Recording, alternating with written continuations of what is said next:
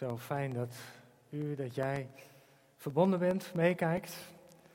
En ook heel betrokken bent op deze dienst, want jullie hadden de gelegenheid om een Mentimeter in te vullen. En ik ben heel benieuwd wat eruit is gekomen. Kunnen jullie de eerste, de eerste vraag die we jullie hadden gesteld was: de coronacrisis heeft mijn relatie met God beïnvloed. 26% zegt dat heeft dat gedaan op een negatieve manier. De crisis, het feit dat we niet samen kunnen komen, alle beperkingen heeft heel wat met me gedaan. Anderen zeggen, 41 procent, als ik het goed zie, positief. Het kan ook, hè, dat je juist gestimuleerd wordt om meer de aanwezigheid van Heere God te zoeken. 28 procent, het heeft geen invloed. Dat zijn de hele stabiele onder ons. En 5 procent, ik ervaar geen relatie met de Heere God. Ja, dat kan ook. Ik hoop dat er vanavond wel iets gebeurt in je hart. Dat zou natuurlijk heel mooi zijn. En er is ook nog een tweede dia, tweede vraag. Van als het gaat nou over de Heere God, waar vind jij de Heere God? Ja, in de bergen, maar ik weet niet wat er nu verder uitkomt.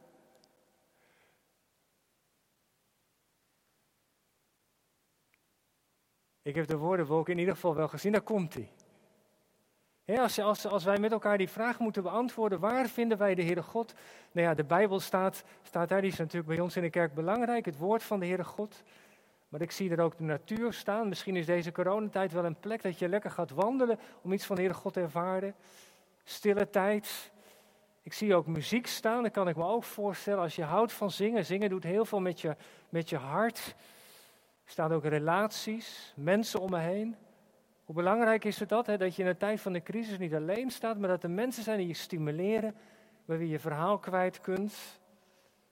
Ja, zo staat er nog wel heel wat meer, wat kleine lettertjes ook. Nou moet je nog maar eens kijken. Mooi dat, je, dat u, dat jij hebt geantwoord. Het thema wat ik ja, heb aangereikt, Singing His Presence, heeft helemaal te maken met iets wat we zo zullen zien in uh, Psalm 27. Even terug. Afgelopen vrijdag was ik buiten aan het fietsen door de polder van Reewijk. En toen hing er boven Gouda een hele donkere wolk. Nou, die donkere wolken, dat kennen we wel, want het heeft heel veel geregeld, geregend deze dagen. Word je geweldig somber van. Ik weet niet of je daar last van hebt, maar de hele dag regen. Ik vind het soms knap ingewikkeld. Maar wat het mooie was, ik zag boven Gouda een hele donkere wolk hangen. En die wolk zaten gaten.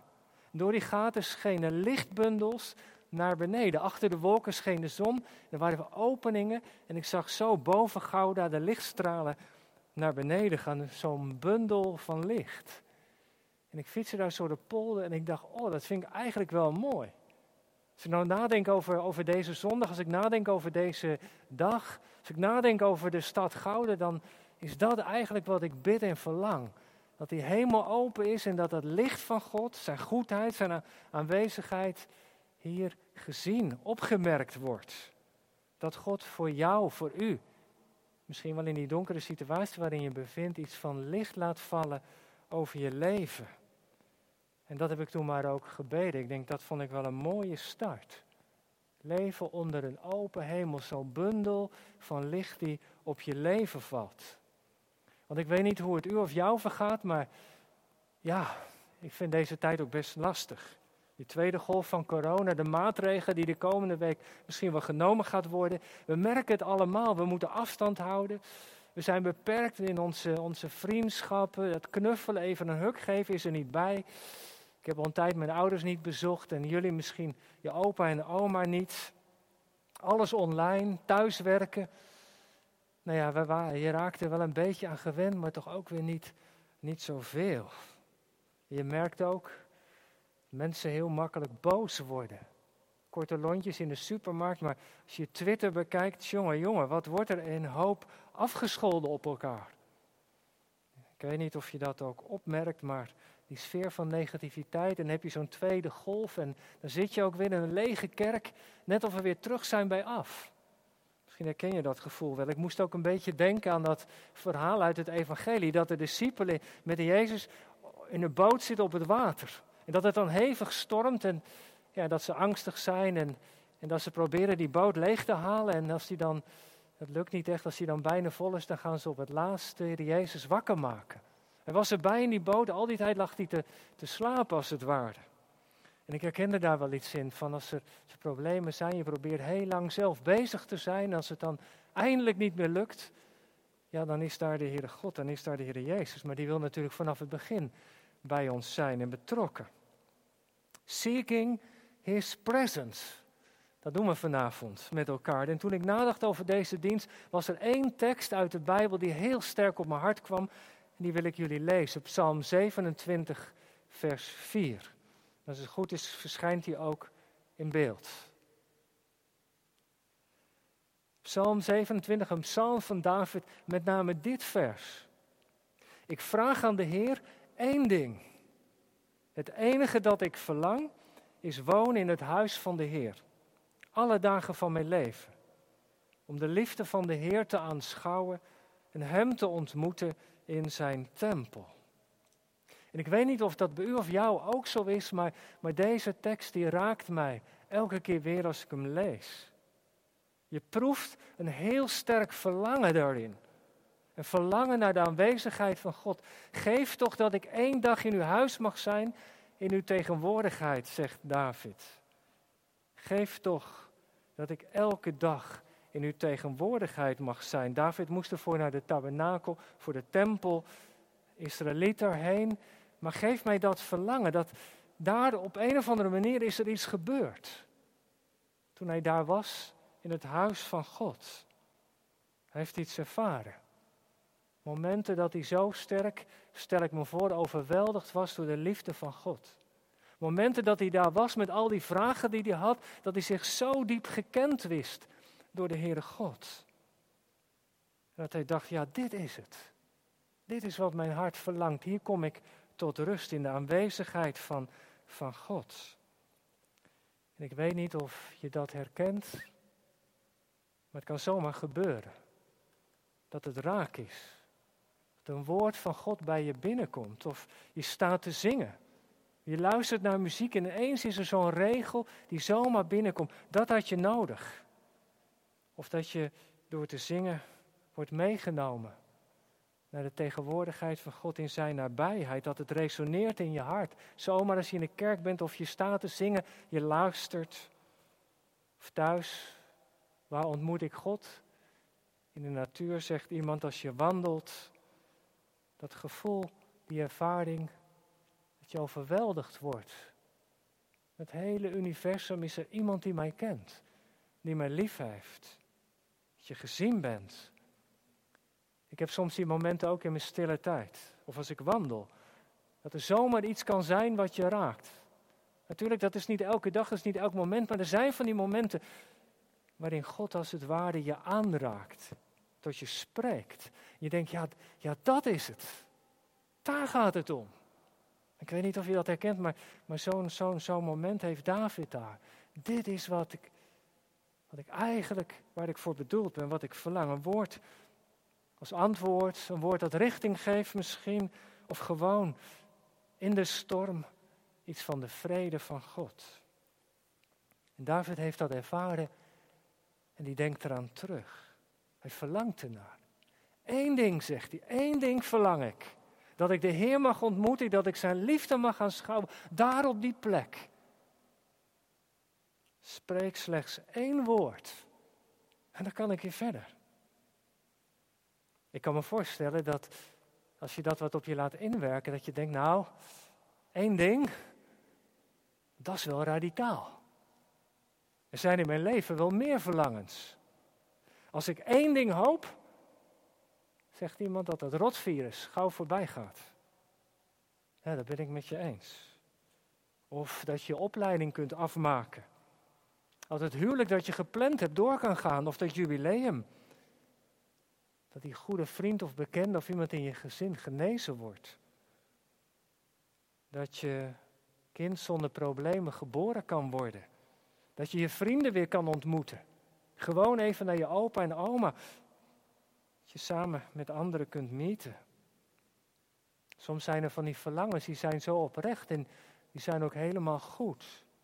Maar waarom is David nou zo radicaal? Hij zegt van dat alles wat er is, wat ik verlang, is er één ding wat ik echt ten diepste verlang. Weet je wat dat is? Waarom? Omdat hij in zijn leven heeft gemerkt dat God de enige was die hem kon helpen. Als David dat in die psalm zegt, zou je kunnen zeggen dat is een grenservaring. Dat is een ervaring die geboren is, een moeilijke situatie, midden in een crisis. En als je de psalm leest, dan moet je straks thuis maar even doen, psalm 27. Als je die leest, dan kom je van alles tegen. Hij voelt zich niet veilig. Er waren vijanden, mensen die graag wilden dat hij zou struikelen. Er zijn opmerkingen en commentaren. Valse getuigen noemt hij ze. Ze dreigen met geweld. Als je dat zo op je laat inwerken, is er heel wat waar hij mee worstelt. We weten niet in welke levensfase hij zit, of hij al koning is of niet, maar je kunt je er iets bij voorstellen. Dat er dingen zijn waar je mee worstelt. Misschien is dat bij u of jou ook wel. Ik hoorde het pas nog. Die schoolperiode was zo moeilijk. Omdat je gepest werd. Dat. Of dat je geen echte vrienden had. Ja, je had in vertrouwen iets met iemand gedeeld en het lag zomaar opeens op straat. De commentaren in je klas, waardoor je je niet veilig voelt. Of op je werk, of in de buurt waar je woont. In vers 10 van deze psalm zegt David zelfs al verlaten mijn vader en moeder mij, toch neemt de Heer mij aan. Wat zit daarachter, denk je? Dat gaat over zijn gezin. David telde niet mee. Hij was de kleinste van allemaal. Ga jij maar de schapen hoeden. Dit is niet voor jou, dat begrijp je toch niet. Hij was de kleinste, was niet veel ruimte voor zijn verhaal. Als hij binnenkwam en het wilde vertellen, werd hij overstemd door zijn oudere broers. Er was geen echte aandacht, hij voelde zich te veel. Ze zochten een koning. Oh ja, we hebben ook David nog, ja, die is bij de schapen. Het hoeft natuurlijk niet, maar, maar misschien kun je er iets van herkennen. Dat je soms het idee had dat je te veel was, dat er niet naar je werd geluisterd. Nou ja, in die omstandigheden heeft hij ervaren, maar, maar God ziet me wel. Hij ziet mij. Hij weet wat er leeft in mijn hart. Hij doet me geen pijn. Bij Hem ben ik veilig. En daarom, hij zegt, dat is het. Dat ene verlangen. Dat ik bij u kan zijn alle dagen van mijn leven, elke dag weer opnieuw. Laat mij uw liefde ervaren. Geef mij een diepe relatie met u. En weet je waarom deze psalm mij zo raakt? Even terug in de tijd toen ik in Chili woonde, heb ik een tijd erg getopt met mijn gezondheid. Ik had last van een infectie. Ik ga maar niet in op details, maar ik hoefde maar iets te eten of het kwam er alweer uit. Ik ben naar het ziekenhuis gegaan, allerlei onderzoeken, specialist geraadpleegd, maar men kon helemaal niks vinden. Maar ik had er zo'n last van. Ik vond het zo moeilijk. Iets waar je geen grip op krijgt, niet weten wat het is. Ik werd er helemaal moedeloos van en ik herinner me één dag nog, ik, ik zie het nog heel helder voor me, dat ik op een dag naar mijn kamer ging en me knielde en het uitschreeuwde tegen de Heere God. Ik was zo radeloos. Heere God, ik begrijp er niets van. En opeens begon ik te bidden. Heer, maar één ding vraag ik u. Geef mij een diepe relatie met u. Het was eruit voordat ik het wist. Maar dat is wat David hier doet. Heer, maar één ding. Het enige wat ik verlang is dat ik uw liefde mag ervaren, uw nabijheid. Laat mij schuilen onder uw dak, veilig in uw tent. En ik denk dat het zo werkt. Dat je in een moeilijke periode ontdekt waar het echt op aankomt. Corona is natuurlijk ook zo'n moment. Ik hoor dat ook wel. Als jullie zeggen hè, dat, hoeveel procent was het die positief was, dan, is dat wat in corona misschien ook wel leert. Dat er dingen zijn die niet kunnen. En dat het daarom belangrijk is dat, ja, dat je gefocust bent op de dingen die ertoe doen. Hopelijk op de Heere God. Dat je hebt ervaren toen het moeilijk was, maar Hij was er. Hij, hij stelde mij niet teleur. Natuurlijk, ik hoop dat er vrienden zijn voor je, mensen uit de kring van de gemeente, waar je verhaal kwijt kunt. En ik hoop ook dat je hebt mogen ervaren dat, dat de Heere God er voor je was. Niet iedereen van jullie is dat zo, maar, maar deze avond is er uitnodiging, hopelijk, om het opnieuw met de Heere God te wagen. Eén ding, zegt David, dat zoek ik. En weet je wat ik nou zo bijzonder vind, ook nog aan deze psalm? Ik zei net, ik bad, geef mij een diepe relatie met u. Het was eruit voordat ik het wist. Eigenlijk was dat bij David ook zo, denk ik. Want dat verlangen, dat had God zelf in zijn hart gelegd. Kijk maar even naar vers 8. Kan wel even in beeld komen, denk ik. Hè? In vers 8 zegt hij: Mijn hart zegt het u na. Zoek mijn aangezicht. Dat was dat stemmetje van God midden in zijn hart. Zoek mijn aangezicht. Of mijn hart zegt tegen u wat u zelf zegt. Zoek mijn aangezicht. Was de uitnodiging van God in zijn hart. Zoek me maar. En dan zegt hij, uw nabijheid wil ik zoeken, Heer. Verberg uw gelaat niet voor mij. Het was God zelf die dat verlangen in zijn hart legt. Zoek mijn aangezicht. Ik weet dat je het moeilijk hebt, maar laat mij niet buiten je probleem. Zoek mijn aangezicht. Ik ben er, ik zal er voor je zijn. En wat David niet kon weten, ja, dat weten wij wel. Dat verlangen dat God heeft om een relatie met ons te hebben, een diepe relatie met ons, dat komt niet van onszelf, maar dat, dat komt bij Hem vandaan. En dat is zo sterk. Dat Hij zijn eigen zoon, de Heer Jezus, daarvoor naar deze aarde stuurde. Want de Heer Jezus is gekomen juist om die kloof tussen God en ons te overbruggen, om die band met God die verbroken was te herstellen. Hij is Immanuel. Hij is gekomen om ons weer te richten op de Heere God, om die stem van de Heere God te vertolken. Zoek mijn aangezicht, opdat wij zijn aangezicht ook zouden zoeken.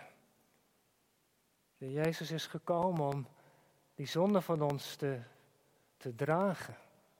En wat is die zonde van ons? Nou, ik denk dit. Misschien herken je dat wel, dat het er zo vaak niet van komt. Dat God dat verlangen zaait in je hart, maar, maar dat er zoveel andere dingen zijn die ons bezighouden. Maar Jezus ging door. Hij is die weggegaan tot het kruis. Hij, hij bleef aan ons strekken. En dankzij zijn kruis, dankzij zijn offer, klinkt die stem van God nog steeds. Vanavond tegen ons als we in de kerk zijn, maar ook tegen u en jou thuis. Wat God zegt is dit.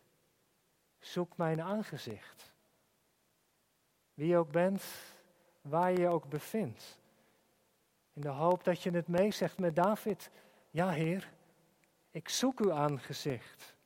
Ik verlang naar u elke dag te ontmoeten. Seeking His presence, is zo eenvoudig. Een Bijbel, een open schrift, een moment samen met de Heere God. Misschien hou je van zingen. Zoek dat moment, want God verlangt ernaar dat wij zijn aangezicht zoeken. En weet je, als je antwoord geeft, dat doet wat met je. Seeking His presence, als je Hem zoekt, hoe langer hoe meer, krijg je leven een vast fundament. Dan kun je elke storm trotseren. Amen.